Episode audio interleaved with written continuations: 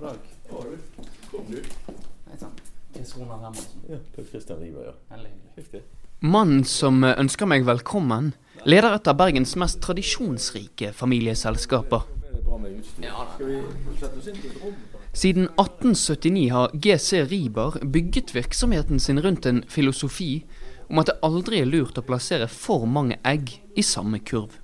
Det er faktisk et av selskapets ti bud. Likevel, oljeprisfallet har svidd, og i fjor gikk det verre enn noen gang tidligere. Paul Christian Riiber, fjerde generasjons konsernleder, vet at noe må skje. Et av tiltakene hans er en stillingsutlysning. GC Riiber trenger et digitalt hode med på laget. Siden du byr på en kaffe, så sier jeg gjerne takk til deg. Helt svart, plain. Takk skal du ha.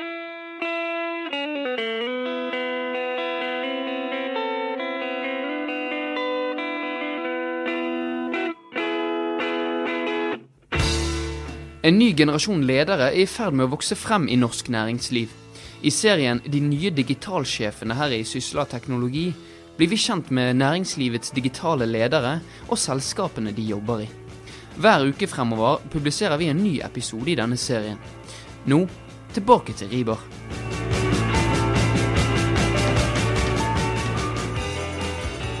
Paul Christian Riber, tusen takk for at du har tatt deg tid til å sette deg ned og snakke med oss i Sysla teknologi. Før vi begynner å snakke om hvilke endringer som selskapet går gjennom nå, så vil jeg spørre deg litt om fjoråret. 811 millioner i underskudd, leser jeg. Det er nesten en milliard kroner. Hva var det som skjedde? Ja, det er jo et eh, forferdelig tall som jeg aldri har opplevd før i min eh, 30-årige historie i, dette selskapet. Og eh, det tallet er jo sammensatt av veldig mange forskjellige underliggende tall. For vi jo, har jo en forretningsmodell hvor vi har flere ben å stå på. Fem forretningsenheter. Eh, og det som skjedde i fjor, eh, det var at vi opplevde ekstreme kontraster mellom disse virksomhetene. Spesielt hva gjelder shipping på den ene side, hvor eh, olje- og offshorebaserte rederivirksomhet, eh, som altså gikk med flerfoldige hundre millioner i underskudd fordi vi måtte eh, skrive ned verdien av skipene våre, og fordi vi hadde veldig lav aktivitet som følge av den lave oljeprisen. Så i andre enden så hadde vi altså det vi kaller en all time high innenfor eh, vår eiendomsvirksomhet. Og hvor vi bl.a. Uh, hadde et veldig eh, godt eh, salg av eh, det store DNB-bygget som ligger inne i Solheimsviken. Eh, og på bunnlinjen eh, i regnskapene våre så eh, veier jo dette noe opp for de store tapene i shipping, men eh, eh, ikke fullt ut. Så eh, også før skatt så gikk vi med en eh, solid minus i eh, 2016. Du sier jo at dere har bygget opp en forretningsmodell som er sånn at dere har flere bein å stå på. Men når oljeprisfallet får sånne konsekvenser som dette, har dere da Dere, har, eh, dere er avhengig av oljeprisen. Vi eh, er relativt eh, oljeintens, oljeprisfølsom, kan vi si, samlet sett.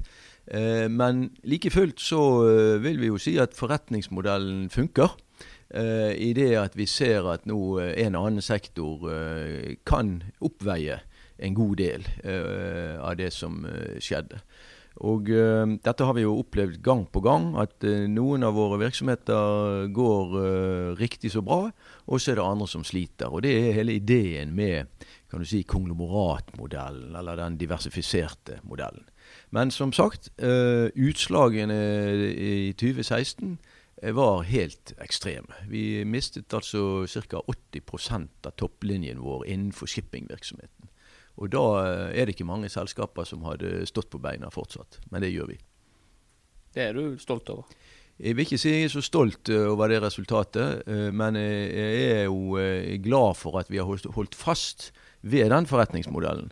For det har jo vært eh, forstå-seg-på-ere eh, opp gjennom de siste 10-15 årene som har eh, rådet oss til å gå all in i eh, oljebasert shipping. Eh, og det er vi glad for at vi ikke gjorde. Nå er jo eh, vi eh, eh, selvfølgelig et, eh, som du var inne på innledningsvis, et, et eh, tradisjonsrikt og langvillig selskap. Så vi har jo også bygget opp en finansiell handlefrihet som nettopp er ment å ta oss gjennom slike faser som dette. Men det er klart, på et eller annet punkt så går det en grense for oss også. Kan du sette noen ord på eh, hvor, eh, hvor, kraftig dere har blitt rammet av oljeprisfallet som startet i 2014? Ja, jeg kan jo uh, sette ord på det i form av at en, uh, en tredjedel cirka av vår uh, balanse er ute. En tredjedel av egenkapitalen vår er ute. Nå har vi riktignok også gjort noen strukturelle endringer innenfor vår eiendomsvirksomhet som er med å påvirke disse tallene, men i det hele så er det et eh, nedfotografert GC Riber som kommer ut av denne krisen. Eh, men fortsatt med en høy eh, finansiell soliditet og med en eh, organisasjon eh, og et, eh, en kompetansebase som nå skal ta oss inn i den nye tiden. Ja, for i en sånn situasjon som dere befinner dere i nå, så har du sikkert stilt deg spørsmålet hva gjør vi nå fremover? Jeg antar du har tenkt en del på det. Eh, hva kan du dele med oss av hvordan veien videre går for GC Riba? Mm. Det er klart at eh, alle selskaper som kommer ut for en eh, så vidt stor nedtur som vi har gjort, og for så vidt hele oljerelatert bransje, det må jeg understreke. Dette er jo ikke noe spesifikt for vårt selskap. Alle som har jobbet mot olje offshore, har blitt rammet i større og mindre grad. Eh, og alle som kommer ut for noe sånt, det er klart da setter ledelse, styre og eiere i gang massive eh, prosesser. Både selvfølgelig i form av effektivisering og kanskje nedbemanning og kostnadsprogrammer, eh, eh som er det vanlige. Men også må vi rette blikket fremover og se hva er det som da skal ta oss inn i den nye tiden. Eh, og I vårt tilfelle så har vi også endret eh, forretningsmodellen vår. Eh, vi kommer til å la eh, forretningsenheten eh, kjøre mer eh, selvstendig. fra tidligere å være et noe mer sammenvevd konsern, så blir vi nå noe mer et aktivt eierselskap overfor virksomheten. Uh, og vi har også satt i gang en, eh, en eh, endring i vår kompetanseprofil. Hvor vi nå bl.a. går ut og rekrutterer en stilling innenfor technology og innovation. Det skal vi komme litt tilbake til. Men hvorfor velger dere å, å, å, å ikke ha så tette skott mellom selskapene? Som, hvor, hvorfor ønsker dere litt større avstand?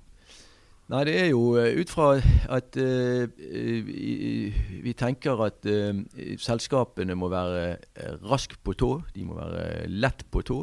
De, det må ikke være for mye overheads. For det skjer mye, så mye endringer nå? Det skjer så mye endringer, og det skjer så fort. Så uh, vi må jo ikke som et eierselskap legge for store hindringer på forretningsenhetene. Og, eh, og, det blir jo nødvendigvis en del sånn red tape i et uh, konsern, i en konsernstruktur. Og det ønsker vi også å ta ned til et minimum. Mm. Du sitter med arket foran deg, stillingsutlysningen. GC Riba søker en CTIO, en Chief Technology Innovation Officer. Hvorfor gjør dere det? Ja, nå er jo denne tittelen eh, voldsom, da. Eh, men det er jo også for å eh, gi et signal til kandidatene der ute om hva vi er ute etter. Først må jeg bare spørre, Denne stillingen har ikke eksistert i GC Riba før? Det er en ny stilling og har aldri eksistert. vi har hatt islett av disse oppgavene og ansvarene liggende i en annen stilling i ledergruppen vår, med en viss andel. Men nå er det en fulltidsstilling med dette hovedfokuset. Hvorfor gjør dere det?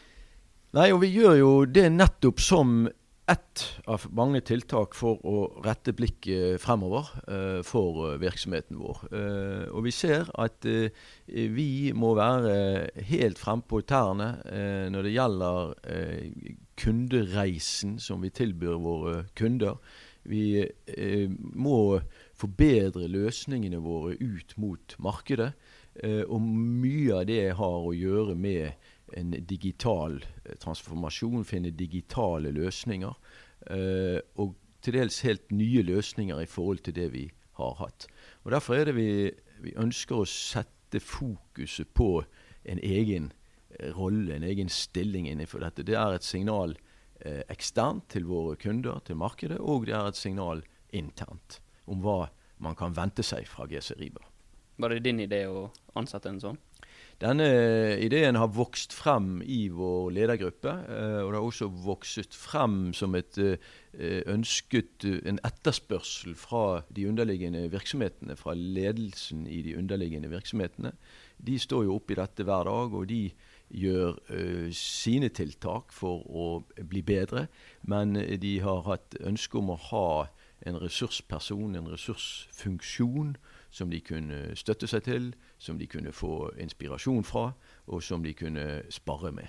Og det er det denne rollen skal uh, Og ikke minst det å ta med seg ting opp i ledergruppen, kanskje. Hvor viktig er det? Ja, absolutt. Vedkommende kommer til å gå inn i vår ledergruppe, uh, og vil nok få en viktig rolle der i å være en form for en endringsagent også. Uh, og som du påpekte tidligere i samtalen, så er jo dette et, et langvillig konsern. Vi, et, vi, har jo et langsiktig eierskap til våre virksomheter. Vi har en industriell tilnærming til uh, utviklingen av virksomhetene. Uh, jeg selv har som sagt sittet her nå i 30 år. Der er jo alltid en viss fare for at man da gjør det på samme måten som tidligere. Så jeg òg eh, ser jo med forventning frem til å få en eh, utfordrer. En som kan eh, tørre å stille de litt vanskelige spørsmålene. Så det er en litt provokatør vi skal ha her òg, som skal utfordre litt de oppleste sannhetene i et familieeiet, langvillig konsern. Det kan jo for noen kanskje høres ut som jeg gir deg en kjempeanledning til å, å gi en stillingsutlysning gjennom uh, Sysla teknologipodkasten her. Men grunnen til at jeg er her for å snakke med deg om dette, er jo fordi at uh, denne type stillinger blir det stadig flere av i norsk næringsliv. Det er ikke så mange av de virkelig store norske selskapene som etter hvert ikke har en CDO, CTO, CTIO, tilsvarende stillinger. Du har jo vært i næringslivet i flere tiår, som du sier sjøl. Eh, kan du reflektere litt rundt hvorfor du tror at denne type stillinger blir, at det blir stadig flere av denne type stillinger?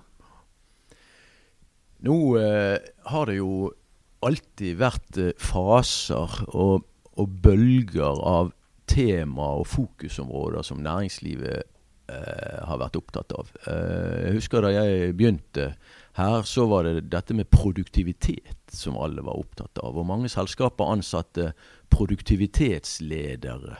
Hva skulle de gjøre? Ja, De skulle øke altså effektiviteten i selskapene. Og Så kom vi inn i en fase hvor det var dette med eh, kvalitetssikring.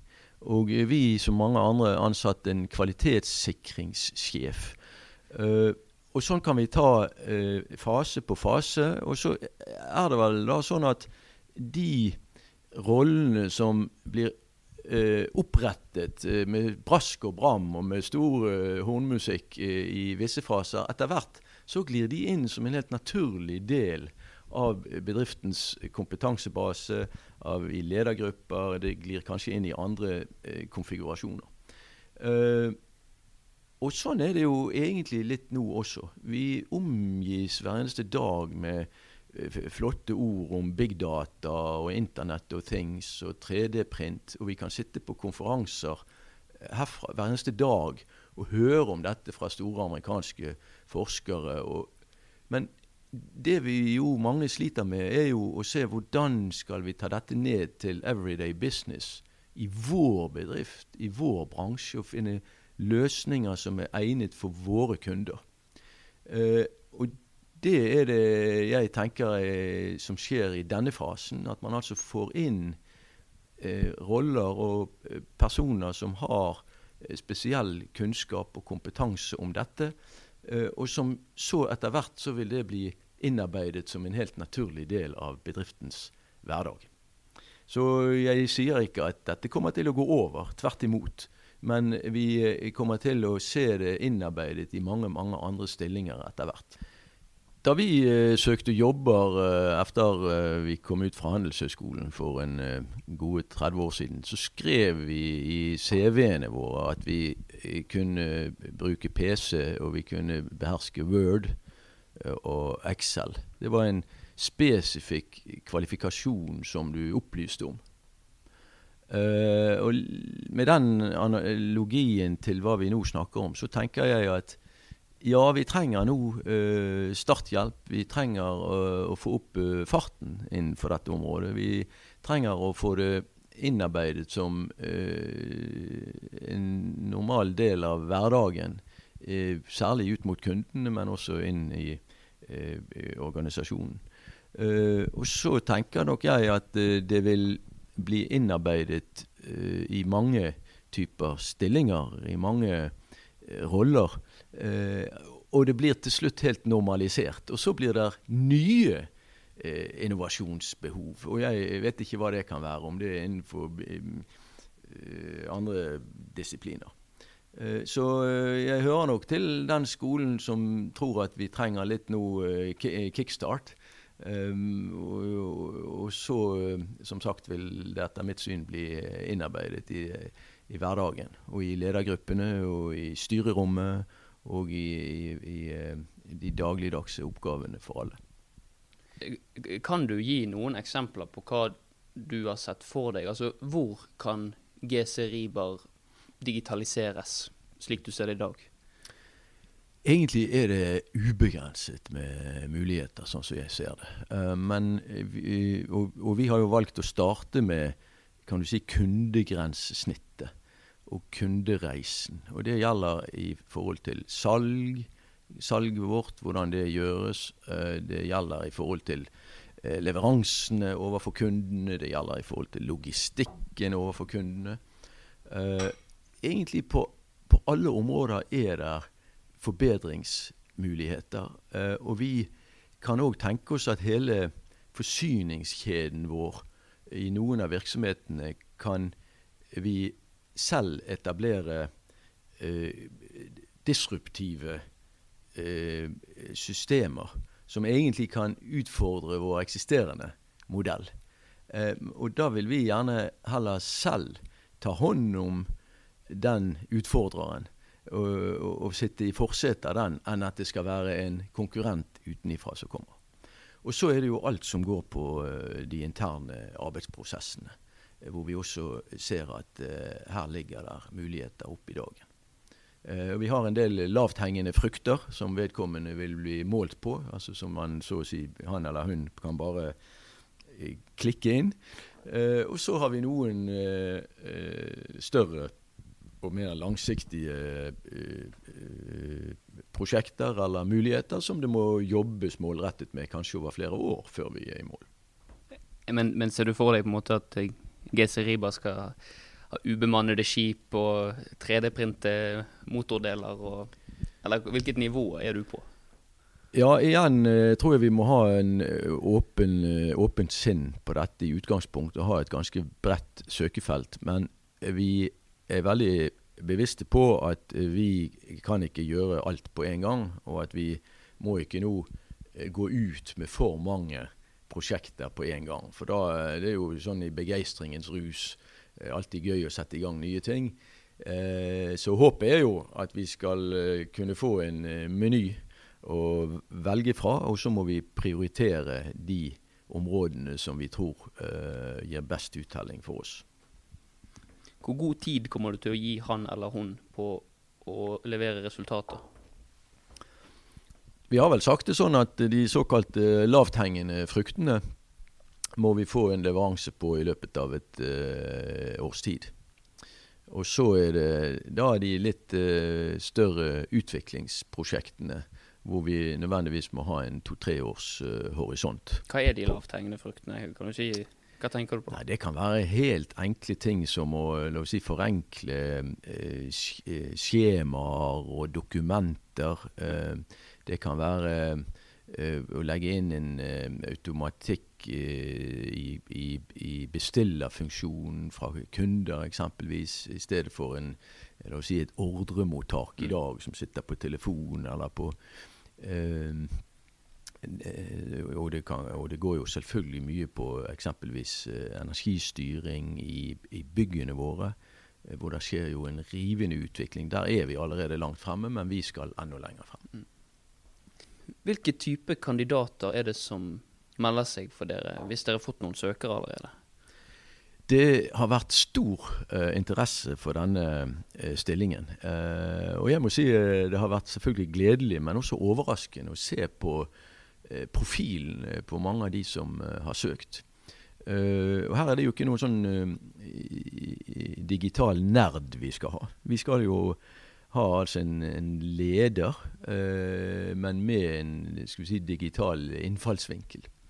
Og her er søkere altså fra selvfølgelig eh, noen fra uh, typiske IT-stillinger, uh, IT-roller. Men her er òg uh, toppledere fra andre bedrifter, men som har en endringsprofil for, for, sitt virke. Og som har vært inn i en eller to eller tre andre bedrifter som leder, toppleder, gjort endringer. Gjort jobben ferdig, ønsker seg nye utfordringer. Eh, her er jo naturlig nok også en god del eh, konsulenter med konsulentbakgrunn, gjerne kombinert med forretningsmessig bakgrunn. Så eh, jeg var gledelig overrasket over tilfanget og, og, bredden. Det var helt annerledes enn jeg faktisk hadde tenkt på forhånd. Så det var gøy. Når har du bestemt deg, da? Nei, Dette må vi ha landet uh, tenker jeg, i løpet av uh, slutten av utgangen av september. Tror du vi kan få snakke med vedkommende i Sysla teknologi når uh, den personen er på plass? Selvsagt. Det må være en snakkefør person som kan snakke både eksternt og internt. Så det skal dere være velkommen til. Er målet at uh, den dere ansetter skal bidra til at 2017-resultatene ikke blir en reprise av 2016-resultatene? Ja, nå er vi jo uh, utålmodige på huset, men uh, med en uh, rekruttering senhøstes 2017, så er vel det kanskje tvilsomt. men vi har, uavhengig av dette, ut, uavhengig av denne stillingen, så har vi jo selvfølgelig et mål om å bedre på resultatene, og det tror vi skal klare. Pøl Kristian Riiber, leder i GC Riiber, tusen takk for at du var med oss i Sysla teknologi. Takk for det. Dette intervjuet var en del av en podkastserie om digitale ledere i norsk næringsliv. Alle episodene er tilgjengelig i iTunes og i den podkastavspilleren du foretrekker. Har du tips til noen jeg bør snakke med? Gi meg en lyd på ronald1sysla.no. Takk for at du hørte på, og ha en strålende dag.